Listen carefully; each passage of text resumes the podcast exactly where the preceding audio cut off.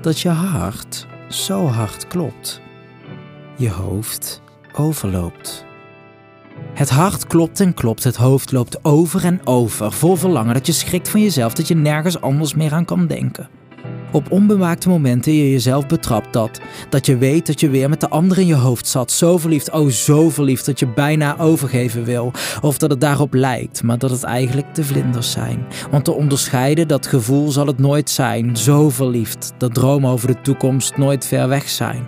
Dat de ander nabij zijn je alleen een gevoel van fijn zijn kan geven. Zo tot over je oren, niet te verstoren, niet te bereiken, niet over iets anders te horen, zo verliefd. Dat je alleen hem in je leven blieft. Oh, zo verliefd dat je al voor de rest van je leven weet hoe je metgezel heet. Met iemand waar je bewust van lieft. Met iemand waar je onderbewust van leed. Dat het kind het dan moet doen. Het kind moet dragen. Het kind dat Philips Willem heet.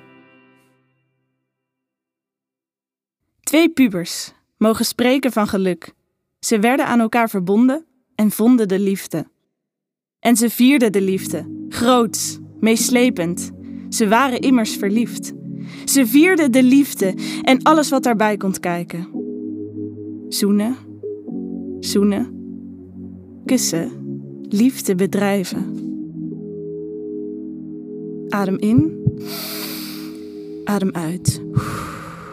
Heel goed. Adem in, adem uit. Nog een klein stukje. Nog één keer. In en uit. Daar was hij, de eerste liefdesbaby. Het eerste wonder en de eerste opvolger zag het levenslicht. Philips Willem van Oranje. Met een gouden lepel in de mond betrad hij deze wereld. Een prins heerlijk bestaan zou hij leiden. Een vader met hoge status en een liefdevolle moeder. Een prins heerlijk bestaan zou hij leiden.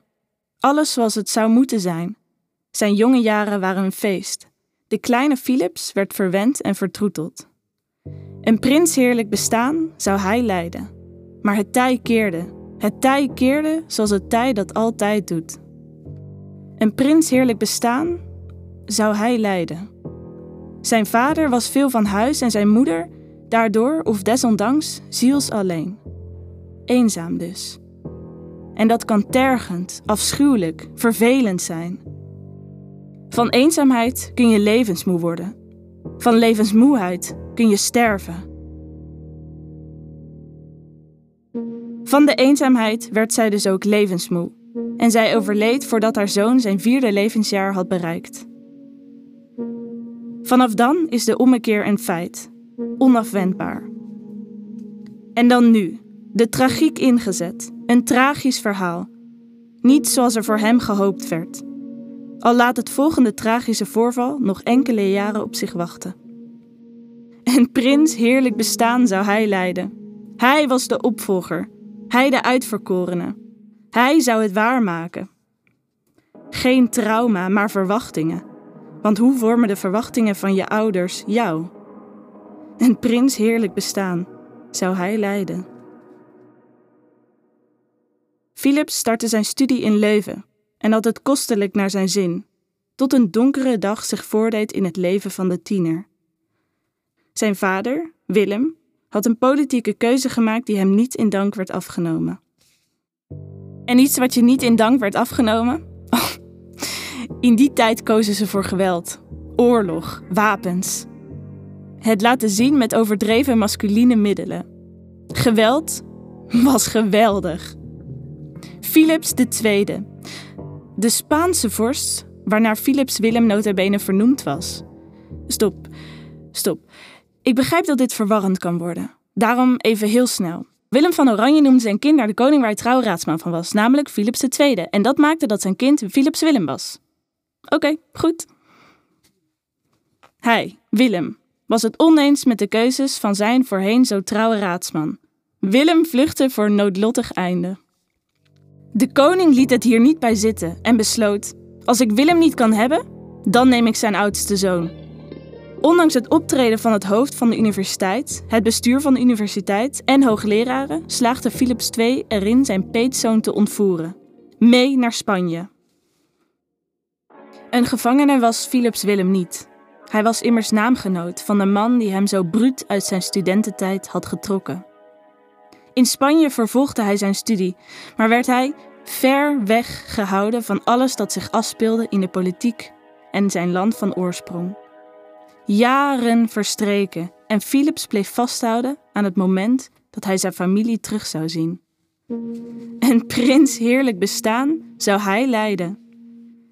Hij werd verhuisd naar een eigen slot, waar hij zich voor het eerst echt opgesloten voelde. Een prins heerlijk bestaan zou hij leiden. Plots ontving hij nieuws.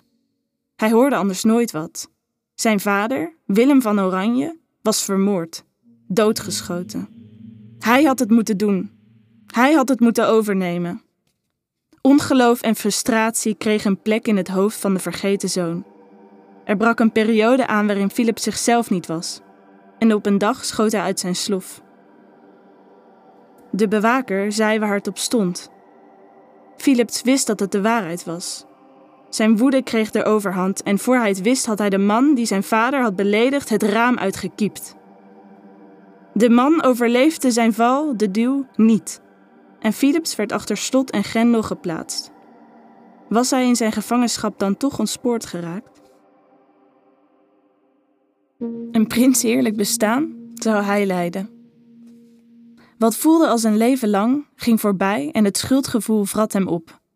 Uiteindelijk werd hem gratie verleend en vertrok Philips uit Spanje, op naar de erfenis die hem wachtte in de Nederlanden.